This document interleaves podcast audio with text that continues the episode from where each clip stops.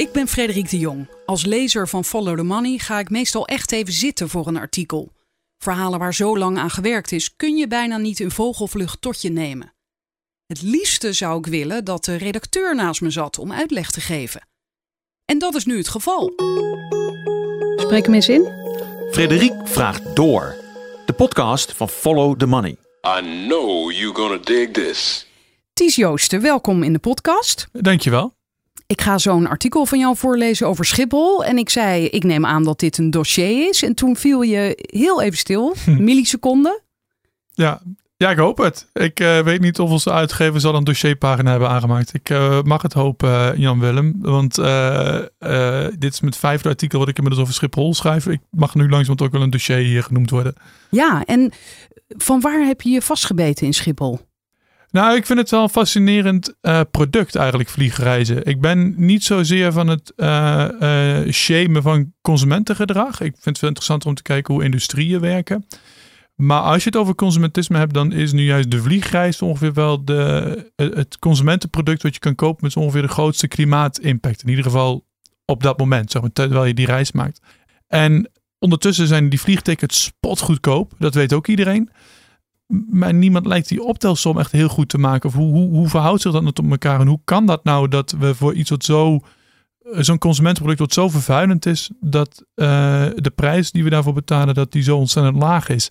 En behalve dat, het is niet alleen vervuilend, maar ik heb ook altijd het idee van we vliegen nu met z'n allen voor heel weinig. Waar betalen ze dit dan van? Want het vliegen is duur, toch? Of ja, wat is duur? Maar het kost meer dan die paar goedkope tickets, neem ik aan. Ja, uh, dat is een hele lastige vraag. Uh, om, kijk, dat, dat is wat ik probeer te beantwoorden, maar daar is niet heel mak één antwoord op mogelijk. Maar goed, je ziet in ieder geval wel dat er ontzettend veel geldstromen lopen richting de luchtvaartindustrie.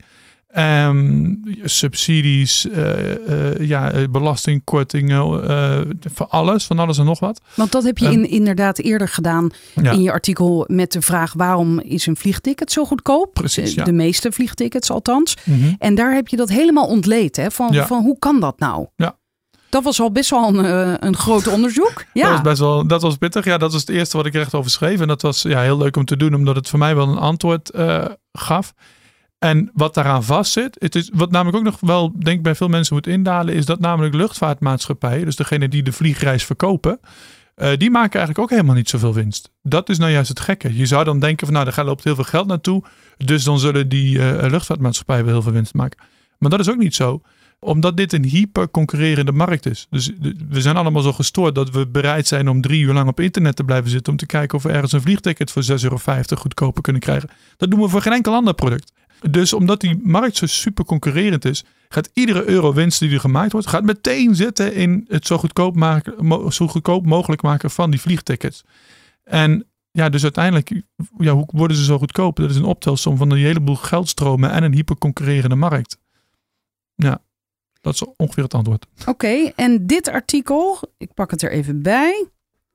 Dit artikel heet Waarom Schiphol spotgoedkoop is. Dus niet alleen de tickets, maar ook Schiphol is kennelijk spotgoedkoop. Ja, dat heeft dan weer te maken, of daarmee doel ik op de havengelden uh, die betaald worden. Of op de prijs die luchtvaartmaatschappijen betalen aan Schiphol om gebruik te mogen maken van de diensten die Schiphol biedt.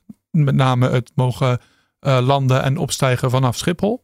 In een internationale vergelijking is Schiphol daarin super goedkoop.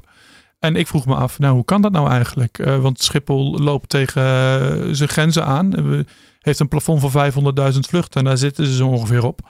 Um, dus je zou dan vanuit de normale gedachte van vraag en aanbod, zou je denken dat die prijs langzamerhand zou gaan stijgen. Maar dat is dus niet zo. Die prijs blijft alsmaar lager en wordt ook wordt nog lager. Um, dus ik vroeg me af, ja, hoe, hoe kan dat? Ja, en bij deze heb je eigenlijk de, de inleiding ook verteld. Heel goed. Dus ja. dan kan ik meteen door naar het artikel zelf. Ja. En dat begint als volgt. Stel je woont in een prachtig dorpje. Ieder jaar haalt de plaatselijke wijnboer precies genoeg druiven van de omliggende velden voor 500 flessen wijn. Drie jaar geleden verkocht hij 450 flessen wijn aan jou en je dorpsgenoten. Maar tegenwoordig zijn er steeds vaker toeristen die hele dozen tegelijk meenemen. Vorig jaar zag je dat de wijnboer zelfs 499 van de 500 flessen wijn verkocht. Wat zou deze informatie met de prijs doen? Wat zouden jij en je dorpsgenoten volgend jaar bereid zijn te betalen voor zo'n heerlijke fles wijn? Om het antwoord op die vraag maar meteen te geven: de wijn wordt duurder. De vraag stijgt, het aanbod blijft gelijk. De wijn wordt dus schaarser en dat resulteert in een hogere prijs. Waarom stijgen de havengelden op Schiphol dan niet? In 2008 heeft de luchthaven met de overheid, omwonenden en milieuorganisaties een plafond van 500.000 vliegbewegingen per jaar afgesproken. In 2018, dus tien jaar later, werd dat plafond met 499.444 vliegbewegingen bijna geraakt. Dus dat scheelde 666 vluchten. Vliegbewegingen. Dat vind ik altijd trouwens zo'n term. 556. Nu wil ik eigenlijk ook weten hoeveel vliegbewegingen zitten er in een vlucht. Twee. Nou ja. Oh, dat is de beweging. Stijgen en. Uh, stijgen oh, echt? Ja, ja. Oké, weer wat geleerd. Dus die 500.000 vliegbewegingen, oké, dus dat zijn 250.000 vliegtuigen die mogen langskomen, noemen we het dan maar even. Ja, ja. Ja, oké. En dat plafond werd bijna geraakt in 2018, maar toch nemen de luchthavengelden, en dat is het bedrag dat luchtvaartmaatschappijen moeten betalen om naar en van Schiphol te mogen vliegen, niet toe. Integendeel, de aeronautical opbrengsten, dat wil zeggen de inkomsten uit luchthavengelden, overheidsheffingen en ATC-heffingen, daalden tussen 2008 en 2017 met 37 procent. Die ATC-heffingen, dat is eh, Air Traffic Control heffingen. Dus dat is wat betaald wordt voor het gebruik maken van de diensten van de luchtverkeersleiding. Oké, dus je hebt ze ook nog even uitgesplitst, die kosten eigenlijk. Oh, ik niet hoor. Dit zijn uh, slimme wetenschappers en economen oh, die nee. dit soort uh, dingen doen. Nee, oké. Want die opbrengsten, dat is weer, die aeronautical opbrengsten staan gelijk aan die havengelden? De luchthavengelden zijn een onderdeel van de aeronautical opbrengsten. Ja, ja, ja, dat bedoel Ja. ik. Oké. En die zijn gedaald met 37 procent. Ja. Opmerkelijk. Vond ik ook. Ja. Hierdoor is Schiphol spotgoedkoop geworden voor luchtvaartmaatschappijen. Van alle grote Europese luchthavens is de Amsterdamse veruit het voordeligst. In 2017, toen Schiphol 68 miljoen passagiers vervoerde, haalde het slechts 779 miljoen euro aan die opbrengsten op. Dat is een schijntje als je ze afzet tegen vergelijkbare vliegvelden als Heathrow. Die hebben 10 miljoen meer passagiers in, in datzelfde jaar. En Frankfurt eh 65 miljoen, dus die zitten op 3 miljoen minder dan Schiphol. Maar zij haalden veel meer geld op. Eh, in Londen werd 2,5 miljard opgehaald en in Frankfurt 1,7 miljard. Terwijl het product dat Schiphol aanbiedt, de starts en landingen van vliegtuigen, steeds schaarser wordt, wordt de luchthaven dus steeds goedkoper. Hoe kan dat? Dat heeft in de eerste plaats te maken met de luchtvaartnota, die in april 2009 door toenmalig minister van Verkeer en Waterstaat Camille Eurlings aan de Tweede Kamer werd aangeboden. Vanwege de kredietcrisis daalde het aantal vliegpassagiers op Schiphol en dat baarde het kabinet zorgen. De Mainport Schiphol is volgens de luchtvaartnota immers een quote, vitale schakel in de Nederlandse economie en van grote invloed op de economische ontwikkeling van Nederland. Om die crisis het hoofd te bieden, moesten volgens de luchtvaartnota daarom maatregelen genomen worden die zouden leiden tot een versterkte positie van de Nederlandse luchtvaart op de middellange en lange termijn. Die PDF staat daar ook. Kan ik daar ook op klikken? Ja, daar kom je, kun je op klikken, maar dan kom je in de luchtvaartnota terecht. En dat is Oh, erg ja. veel ambtelijke taal over het belang van luchtvaart in Nederland. Op tweedekamer.nl zie ik inderdaad. Gaan we snel weer terug. Die versterkte positie van de Nederlandse luchtvaart moest vooral worden bereikt door het verlagen van de kosten voor luchtvaartmaatschappijen. In 2008 was Schiphol volgens die luchtvaartnota na Heathrow de duurste hub van Europa. En daar moest wat aan gedaan worden. Quote, omdat deze hoge kosten de concurrentiepositie van Schiphol en daarmee de economische structuur van Nederland bedreigen, heeft het kabinet besloten samen met Schiphol te komen tot een pakket aan kostenreducerende maatregelen, al dus die nota. En drie maanden later schafte Eurlings de vliegtax af. Oh ja, Ja. Minister Eurlings, die weer later de directeur van KLM wordt. Ehm, misschien is het wel leuk om heel even na te gaan, eh, nog heel even in te gaan op het mainport denken dat er aan ten grondslag ligt. Ja. Waar ik ook een kader eh, heb, over heb geschreven, maar dat kunnen we wel even gewoon bespreken. Ehm, in die luchtvaartnota zie je dus hoe sterk dat geloof nog is in het belang van Schiphol voor de Nederlandse economie. De hele ding staat er helemaal vol mee. En dat is echt een echo uit de jaren tachtig. Iedere crisis in Nederland wordt echt te lijf gegaan met het idee... eh, Rotterdam moet sterker, Schiphol moet sterker. Eh, zo komen we de crisis uit. En je zou je natuurlijk langzamerhand wel eens een keertje kunnen afvragen of uh, 100.000 extra vliegpassagiers naar de Turkse Riviera of naar een of ander uh, goedkoop Grieks eiland. Wat de Nederlandse economie daar nou eigenlijk precies aan heeft. En dat zeg ik niet alleen. Dat zegt ook onder andere de Raad voor de Leefomgeving en Infrastructuur. Die hebben in een rapport Mainports voorbij jaren geleden al vraagtekens gezet bij het Mainportbeleid. Hoe heet dat rapport? De Mainports voorbij. Dus eigenlijk het, de gedachte dat we altijd maar moeten inzetten op meer Rotterdam, meer Schiphol om de Nederlandse economie uh, concurrerend te houden. Ja, dat is echt een hele beperkte economische opvatting. En het gaat volledig voorbij aan sectoren waar veel meer innovatie plaatsvindt. Waar veel meer toegevoegde waarde gecreëerd wordt. Ik noem een Eindhoven, uh, Brainport Eindhoven. Daar wordt zoveel meer waarde gecreëerd. En toch blijft de Nederlandse politiek en het Nederlandse economische beleid enorm gericht op dat zo, maar zo ja, volledig vrij baan geven van Schiphol en de, en de Rotterdamse haven. Het is eigenlijk een soort Pavlov-reactie. Als het wat minder gaat, is van oh, we hebben Rotterdam en we hebben Schiphol. Ja, Nederland distributieland, waar we onze basisschoolkinderen en op nou, middelbare school misschien, maar dat, daar gooien we ze ook mee dood. Toen ik economie kreeg, werd me dat ook constant stelt. Nederland is een doorvoerland. Ja, dat moeten we vooral allemaal zo houden. En ja, ik denk dat je daar toch ook langzamerhand wel wat kritischere vraagtekens bij kan zetten, omdat dat niet een waarheid is die tot in de absolute eeuwigheid waar blijft. Weet je, dat kan best. Het is niet raar om gewoon een fatsoenlijke haven en luchthaven als Nederland te hebben. We zijn een dichtbevolkt land, we hebben veel, relatief veel hoofdkantoren, we hebben veel rivieren. Dus, dus dat zo'n activiteit in Nederland plaatsvindt is op zich best zinvol. Maar dat wil niet zeggen dat we tot in de lengte der jaren alleen maar op die twee sectoren hoeven in te zetten. We kunnen echt wel, we kunnen echt wel met een paar vliegtuigen minder naar Tenerife toe en, uh, Zeker lijkt me als wat nu blijkt uit jouw artikel dat die havengelden zo, zo laag zijn. Precies, het levert dus ook nog eens geen moer op. Nee. Een vliegtax is een passagiersbelasting. De luchthaven van Frankfurt haalt met 260 miljoen euro per jaar 16% van zijn totale opbrengsten uit die passagiersbelastingen en Heathrow 26%. En Schiphol dus helemaal niets. Nee, Heathrow haalt dus 652 miljoen euro per jaar op uit passagiersbelastingen, Schiphol nul. En in het huidige coalitieakkoord tussen VVD, CDA, D66 en ChristenUnie is afgesproken dat er vanaf 2021 wel weer een vliegtax wordt ingevoerd. Volgens de Rijksoverheid zal het tarief lager dan 7,50 per passagier zijn, waarbij alleen vertrekkende passagiers belast zullen worden. En dan tussen haakjes staat er uh, transferpassagiers en aankomende passagiers blijven van die maatregel uitgezonderd. Waarom eigenlijk? Nou ja, de transferpassagiers, um, denk ik met name ook om KLM uit de wind te houden. KLM is een transfermaatschappij. Dat wil zeggen dat ze vanuit half Europa halen ze allemaal eh, vliegtuigjes vol met mensen naar Schiphol, die ze vervolgens op een grotere vliegtuig zetten naar een eindbestemming. Dat zijn transferpassagiers. En nou, Schiphol is mede daarom ook heel groot, omdat we zoveel van die transferpassagiers hebben. En uh, ja, om die, ja, die, die positie van Schiphol niet in gevaar te brengen, gaan we ook geen vliegtax uh, rekenen aan transferpassagiers.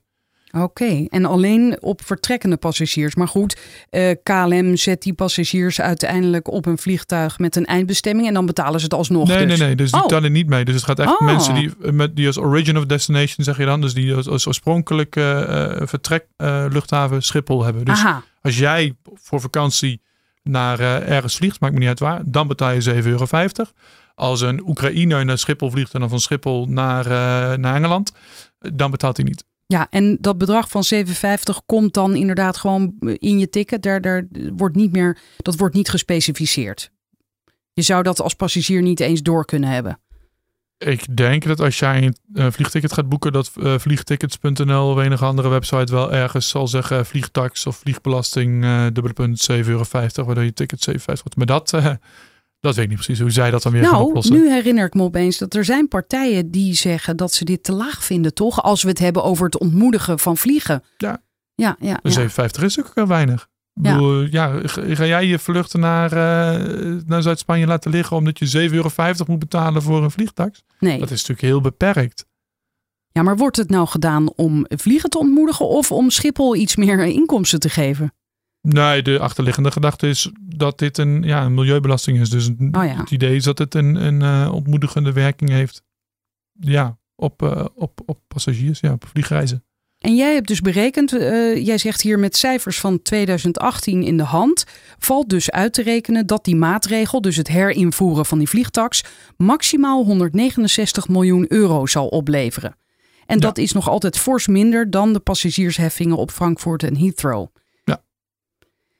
Naast het volledig ontbreken van passagiersheffingen is er een andere reden dat Schiphol spotgoedkoop is.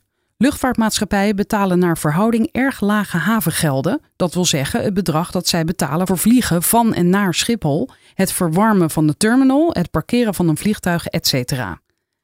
Op Schiphol tellen deze havengelden op tot 496 miljoen in 2017, terwijl die opbrengsten op Frankfurt en Heathrow respectievelijk 926 miljoen en 1,7 miljard euro bedragen. Dit heeft alles te maken met de manier waarop die havengelden op Schiphol worden bepaald. Volgens de Nederlandse overheid opereert Schiphol namelijk in een afgeschermde markt. Het heeft een monopolie op het faciliteren van vliegbewegingen in Nederland. Schiphol zou de tarieven in theorie dus enorm kunnen verhogen.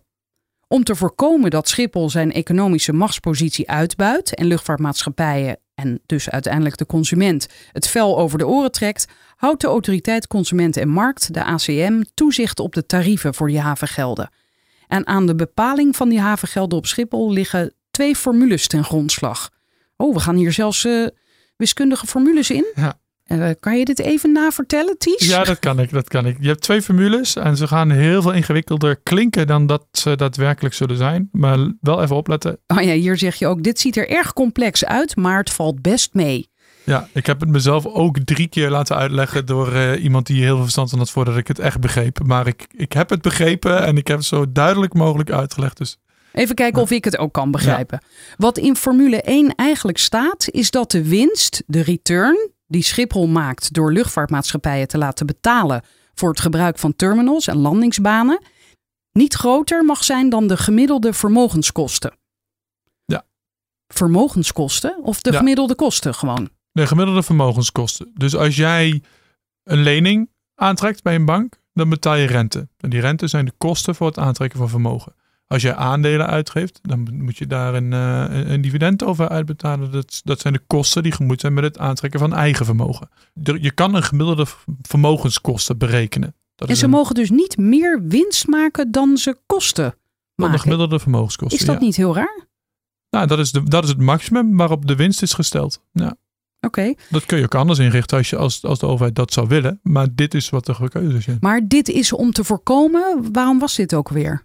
Nou, dit is om te voorkomen dat Schiphol te veel win. Schiphol is een monopolie. Oh ja, oh ja, oh ja. Schiphol is een monopolie.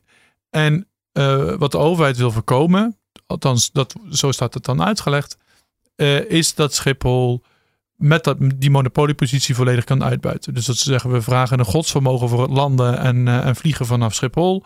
En dat wordt allemaal doorvertaald naar de, naar de vliegticketsprijs en de consumenten is daarvan de sjaak. Dat wil de overheid niet. Dus zeggen ze, Schiphol, u mag maar een beperkte winst of nauwelijks winst maken op de investeringen die u heeft gedaan in onder andere start- en landingsbanen. Ja. Maar goed, wat is beperkt? Ja. En daar gaat de ACM, heeft daar twee formules achter gesteld. En een van de formules luidt, dat die winst is gemaximeerd op de uh, gemiddelde vermogenskosten. Maar is het dan zo dat de overheid vindt dat Heathrow en Frankfurt, die dus veel meer verdienen, dat die misbruik maken? Dat zou je de overheid moeten vragen. Heathrow wordt ook weer net op een andere manier berekend. Dus dat voert een beetje te ver om dat hier helemaal uit uh, te leggen. Maar wat je dadelijk in de tweede formule ook zult zien, is dat er hier een ingebakken mechanisme in zit. Waardoor die maximale winst die ze mogen maken altijd automatisch daalt. Dus hij is, er, zit een, er zit een ingebakken wiskundige realiteit in, waardoor de winst die Schiphol mag maken jaar na jaar moet dalen. Tenzij ze hele grote nieuwe investeringen doen. Maar dat doen ze dus al een hele tijd niet meer. Oké, en dan schrijf jij hier ook: er zit alleen een vreemde logica in de manier waarop bepaald wordt wat de winst is die Schiphol met zijn bezittingen maakt. Oh, dus dat maakt het nog weer een stukje ingewikkelder. Ja, ja op zich wel. Um, een beetje zou ik willen zeggen. Maar wat denk ik belangrijk is, is om te begrijpen, is dat die havengelden mede bepaald worden aan de hand van de boekwaarde van alle bezittingen die Schiphol heeft. Dus dat zijn de landingsbanen, de terminals, de roltrappen, de bagagesystemen, uh, de, de, nou alles. En die waarde kun je op twee manieren berekenen, maar nou, misschien kun je daar zelf weer eh, verder lezen. Die waarde kan je op twee manieren berekenen. Je zou een inschatting kunnen maken van de marktwaarde van al die bezittingen. Wat zou iemand bereid zijn ervoor te betalen? In de wet luchtvaart staat echter dat Schiphol de bezittingen tegen historische kostprijs moet waarderen, onder aftrek van lineaire afschrijvingen. En daardoor wordt Schiphol elk jaar een stukje minder waard, tenzij er grote nieuwe investeringen plaatsvinden. Ja, inderdaad, jij zegt hier, eh, grote nieuwe investeringen zijn al een tijd niet meer gedaan op Schiphol. Ja. Oké, dus Het vreemde daarvan is dus dat je een, als Schiphol een investering doet in een, eh, zeg, in een compleet nieuwe landingsbaan, dan wordt die over een aantal jaar, zeg 30 jaar, wordt die afgeschreven. En aan het eind van die, van die 30 jaar afschrijvingen is die landingsbaan volgens de boeken van Schiphol 0 euro meer waard. Dat geeft natuurlijk een. Dan lijkt het net alsof je bezittingen heel weinig waard zijn. Maar ja, eh, het is natuurlijk heel moeilijk om de marktwaarde daarvan te bepalen. Er bestaat niet zoiets als een openbare markt van vliegvelden. Maar dat die, om die boekwaarde als nul te veronderstellen, is natuurlijk ook een beetje vreemd. Ehm, maar omdat Schiphol voor die methode kiest van lineaire afschrijvingen eh, en die historische kostprijs als uitgangspunt neemt, krijgen we dus de situatie dat de bezittingen van Schiphol ieder jaar stukken minder waard worden. En de winst die Schiphol met die bezittingen mag maken, dient te gevolgen dus ook omlaag moet. Anders wordt die winst te hoog. Eh, ik zie hier allerlei berekeningen nog. Maar de conclusie is, schrijf jij hier, de regels dicteren dat Schiphol moet investeren, wat doorgaans betekent groeien, of goedkoper moet worden, wat doorgaans ook resulteert in groei. Ja, en het interessante daarvan is dus op het moment dat Schiphol goedkoper wordt, ze zullen meer luchtvaartmaatschappijen gebruik willen maken van Schiphol. Dus dat brengt meer havengelden in het laadje. Maar omdat Schiphol niet veel winst moet maken, moet dus het tarief van die havengelden moet nog verder omlaag. Ja, ja, ja, ja, zo is dat geregeld. Maar is dat allemaal naar aanleiding van eh, het jaar waarin dus de vliegtax werd afgeschaft? Is, is dit toen allemaal bedacht? Nee, de vliegtax is toen afgeschaft. Dit is allemaal veel ouder nog. Dit is, eh, eh, ja, dit, dit is zo ingestoken omdat eh, ja, Schiphol een monopoliepositie heeft. En ja, dit is een afweging van belangen. We willen er zeker van zijn dat Schiphol zijn monopoliepositie niet uitbuit. En hebben er de ACM opgezet met deze formules. Terwijl ja, de belangen van omwonenden en eh, klimaat en milieu Die zit denk allemaal niet in die formule. die zitten niet in de formule en die zijn toch wat minder geïnstitutionaliseerd, zou ik dan denken. Ben jij eh, in je zoektocht eh, mensen tegengekomen die die formules verwerpen of zeggen dit, dit kan zo niet langer? Ik ben wel mensen tegengekomen die hebben gezegd: het zou goed zijn als hier nou eens een keer een zinvolle discussie over plaatsvindt. Ik merk ook wel dat het lastige materie is. Hè? Alleen, ik vind dit toch interessant, omdat we willen alle. Er zijn heel veel mensen die denken dat we minder luchtvaart zouden, zouden moeten. Alleen, we vinden het heel moeilijk om überhaupt te identificeren waar dan knoppen zitten, waaraan we zouden kunnen draaien. Hoe gaan we dat überhaupt bewerkstelligen? Wie, we gaan denk ik ook niet met een grote boze politieman op Schiphol staan en zeggen: jij gaat naar Blanesse, je mag niet. En jij gaat voor een zakenreis naar, naar Londen, jij mag wel. Dat, dat zullen we ongetwijfeld niet, zo zullen we niet organiseren. Maar wat zijn nou wel de knoppen waar we aan kunnen draaien? En daarom is dit wel lastig, maar tegelijkertijd volgens mij ook heel belangrijk om te begrijpen. Dit is volgens mij zo'n knop. Dit is de knop waar je aan kan draaien. Hier kunnen we, eh, we kunnen de ACM vragen om eh, een andere manier van die havengeld, maximale havengeld te berekenen. Dit is de knop eh, waarmee we ja, wat meer selectiviteit op Schiphol kunnen toepassen. Hierdoor zou Schiphol kunnen krimpen en toch meer waarde voor de Nederlandse economie kunnen creëren. Ja, en je zou denken wie wil dat nou niet? Ja, ik zou zelfs denken dat ik denk dat er zelfs binnen Schiphol genoeg mensen zijn die dit best wel zouden willen. Heb je al fanmail gekregen? Nee, dat nog niet. Terug naar het Franse wijndorp waar de wijn schaarser en dus duurder werd. Deze duurdere wijn zal wellicht betekenen dat jij en je dorpsgenoten wat zuiniger aan gaan doen. Eén glas in plaats van een fles wijn per keer en alleen tijdens speciale gelegenheden. Misschien wordt er iemand geheel onthouder. Ja, stel je voor. Toeristen zullen de flessen niet langer met dozen tegelijk de auto inladen. Op de gereguleerde vliegmarkt van Schiphol resulteert de groei in vliegbewegingen echter juist in het tegenovergestelde. De vluchten worden alleen maar goedkoper. En hierdoor willen nog meer toeristen van de diensten van Schiphol gebruik maken, waardoor de havengelden van de ACM nog lager moeten worden. De overheid voert inmiddels al ruim 10 jaar actief beleid om de kosten voor luchtvaartmaatschappijen op Schiphol nog lager te krijgen. Hierdoor stijgt het aantal vluchten verder en moeten de havengelden weer verder dalen. En dat is een visieuze cirkel. Schiphol is inmiddels de goedkoopste luchthaven van Europa, terwijl de lasten voor het klimaat, milieu en omwonenden tot een maximum zijn gestegen. Waar zo ongeveer ieder product en dienst is onderworpen aan de economische wetten van de schaarste, is de luchtvaartindustrie daar in Nederland nog altijd van uitgezonderd. Je zou je kunnen afvragen hoe zinvol dat nog is. Ja, dit is eigenlijk een beetje een variant op wat jij net al vertelde. Ja. Maar dit is heel goed. Dit is even de kracht van de herhaling. Hm. Ondertussen heeft de overheid genoeg mogelijkheden om iets aan het spotgoedkope vliegen op Schiphol te doen. Natuurlijk kunnen de passagiersbelastingen worden verhoogd, of zouden de transferpassagiers niet langer van de vliegtax kunnen worden uitgezonderd. Ook zou de hoogte van de havengelden volledig aan de markt overgelaten kunnen worden. Maar zelfs als de overheid via de ACM controle wil houden op de havengelden, zijn er nog opties. Nu wordt de winst op de bezittingen gemaximeerd op de WACC. Ja, die hadden wij net even overgeslagen. Dat zijn de vermogenskosten. Ja. ja, precies. Dus wordt die gemaximeerd inderdaad. Hier zou natuurlijk best een ander, een hoger maximum bijvoorbeeld, gekozen kunnen worden, schrijf jij. En dan zou de RONA, wat was dat ook alweer? De, de winst die Schiphol mag maken. Ja, dus dan zou de winst bepaald kunnen worden op basis van de marktwaarde van de bezittingen van Schiphol. En niet op die historische boekwaarde min afschrijvingen. Ja, waar daar, dat heb je eerder uitgelegd. Want als je een andere manier kiest, een andere basis kiest op basis waarvan je de waarde van die bezittingen van Schiphol berekent, ja, dan gaan die bezittingen minder hard in waarde achteruit. En hoeven de havengelden dus ook minder hard te dalen. En tot slot schrijf je dan: de overheid heeft dus meer dan genoeg instrumenten in handen om de prijs die luchtvaartmaatschappijen betalen om op Schiphol te mogen vliegen, meer in lijn te brengen met de overlast die ze veroorzaken. Alles wat daarvoor nodig is, is politieke wil. Ja, en dat is altijd heel makkelijk te regelen. Ja, nou ja, ja toch is het zo. Ehm, we zitten met een eh, overvol luchtruim. We hebben klimaatambities geformuleerd. Er is, zijn behoorlijk serieuze economen, wetenschappers die serieuze vraagtekens zetten bij de toegevoegde waarde die een alsmaar groeiend Schiphol eh, heeft voor de Nederlandse economie. Dus dit zou volgens mij breed weerklank moeten kunnen vinden. Ook als je er alleen maar vanuit gaat dat, dat alles goed moet zijn voor het ondernemersklimaat en de BV Nederland. Dat is nu niet zo. De manier waarop we Schiphol hebben georganiseerd is dat niet. Dat kan beter.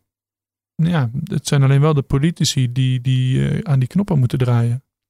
Hoe hebben de lezers eigenlijk gereageerd? Ik heb nu even geklikt op de reacties. 43 reacties, behoorlijk hè? Wat heb, Ja. wat heb jij daaruit opgemaakt? Ehm, Oh, wacht even. Ik, het eerste wat ik nu lees is bijvoorbeeld... Ik vermoed dat ofwel een heel slim... of doortrapt iemand deze formule ooit aan de ACM aangereikt... of verplicht gesteld heeft.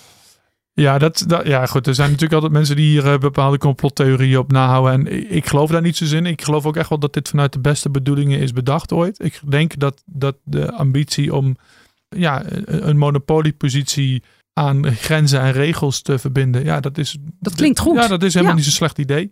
Alleen dat heeft allerlei eh, extra gevolgen waar we geen rekening mee hebben gehouden. En het belangrijkste is dat die vliegtickets daardoor spotgoedkoop worden, waardoor de vraag explodeert. Wat ja, niet meer in lijn is met de overlast eh, die veroorzaakt wordt. Toch En- even wat fanmail. Ik zie nu een fan die zegt... Er is heel wat werk verzet voor dit artikel door Ties Joosten. Ik ben stom verbaasd, flabbergasted... dat zoveel mensen blind achter een formule aanhollen. Ik heb een déjà vu. Ja, ik weet niet wat. eh, ik weet niet wat de déjà vu is. Ik nee, weet niet ik wat er in het verleden precies dan nog eh, gezien is. Maar ja.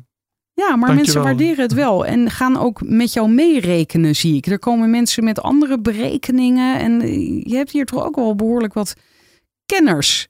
Ja, ik heb, ik, ik, dat is echt wel leuk hoor. Bij Follow the Money bereik ik best wel veel kenners en veel mensen met, eh, met echte oprechte interesse. Via mijn nieuwsbrief bereik ik die ook veel. Ik krijg ook heel veel reacties op iedere keer. Vind ik echt heel erg leuk. Dus ja, nee, dat, eh, dat klopt. En ja, ja, god. Het, het is natuurlijk niet zo dat die eh, mensen lijken, sommige re- eh, mensen die reageren lijken soms overal complotten achter te, te denken. Ik denk, ik denk zelf dat het, dat het heel belangrijk is om die knoppen te blijven identificeren waaraan gedraaid kan worden. Ja, Dus dus als we voortaan, als ik voortaan iemand hoor roepen, een politicus, van de, de, de Schiphol is de hub, is de pijler waar Nederland op drijft, dan denk ik, nou, dat valt dus behoorlijk tegen. Ja, dat mag je, dat is, dat mag je realiseren dat dat een repeterende breuk is. Een echo uit de jaren tachtig. Een economische waarheid die misschien ooit tussen de jaren 80 en 90 heus wel eh, waarde heeft gehad. Maar besef ook dat dat echt een afgedraaide plaat is inmiddels. En als je zelf ook even nadenkt, eh, dan, dan snap je ook dat dat soort wetten nooit tot in het oneindige houdbaar zijn. Dat is gewoon niet zo.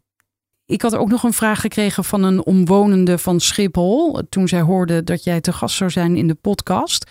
Ehm, en zij vraagt zich af: ga je ook aandacht besteden aan de aspecten geluidshinder voor omwonenden en de veiligheid? Want die kun je ook vertalen in ook een economische waarde, zoals toename van de kosten van de gezondheidszorg door fijnstof, stress door constant geluid en bijvoorbeeld angst voor neerstortende toestellen enzovoort.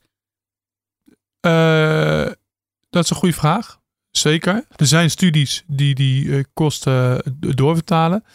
In dit artikel heb ik het niet gedaan, omdat dit heel specifiek gaat over de havengelden, de formule die daarachter zit. Dus ja, dat, de, de, ja, dat is. Even first things first, ja. First things first. In mijn vorige artikel heb ik het niet gedaan, um, omdat ik toen heel specifiek keek naar de geldstromen. Die stromen vanuit overheden naar de luchtvaartindustrie.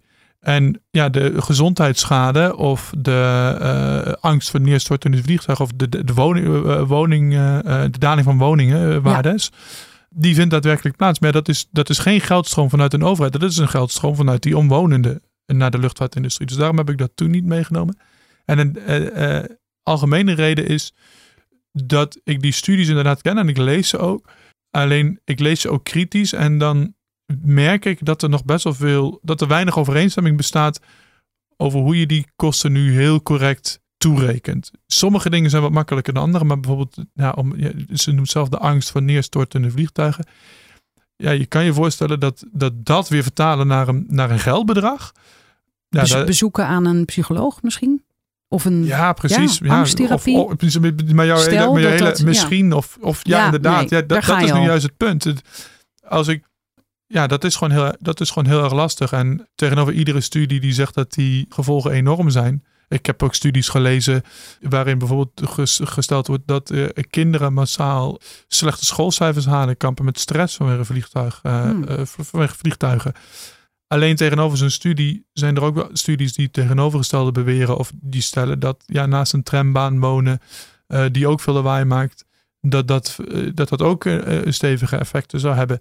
Ja, in alle eerlijkheid ben ik daar nog niet, heb ik daar nog niet helemaal ben ik daar nog niet helemaal doorheen. Snap maar je? dat ik snap het. En, uh, maar aangezien wij aan het begin van deze podcast hebben geconstateerd dat dit toch echt wel een dossier heet inmiddels, ja. kan het misschien nog komen. Oh ja, nee, zeker. Oh ja, nee, ik lees, uh, ik lees ze allemaal en ik hou het super goed bij. En ik, dat is nou juist het punt. Ik probeer eerst hier echt zelf een auto, ja, hoe zeg dat nou eerlijk, een autonome goede mening over te vormen. En niet er maar vanuit te gaan dat het allemaal verschrikkelijk is. Ik wil dat eerst ja, gewoon zeker weten. Oké, okay. dankjewel Ties. Graag gedaan. Wil je weten wanneer een nieuwe aflevering online staat? Schrijf je in voor mijn nieuwsbrief. Die vind je bij ftm.nl slash Frederiek.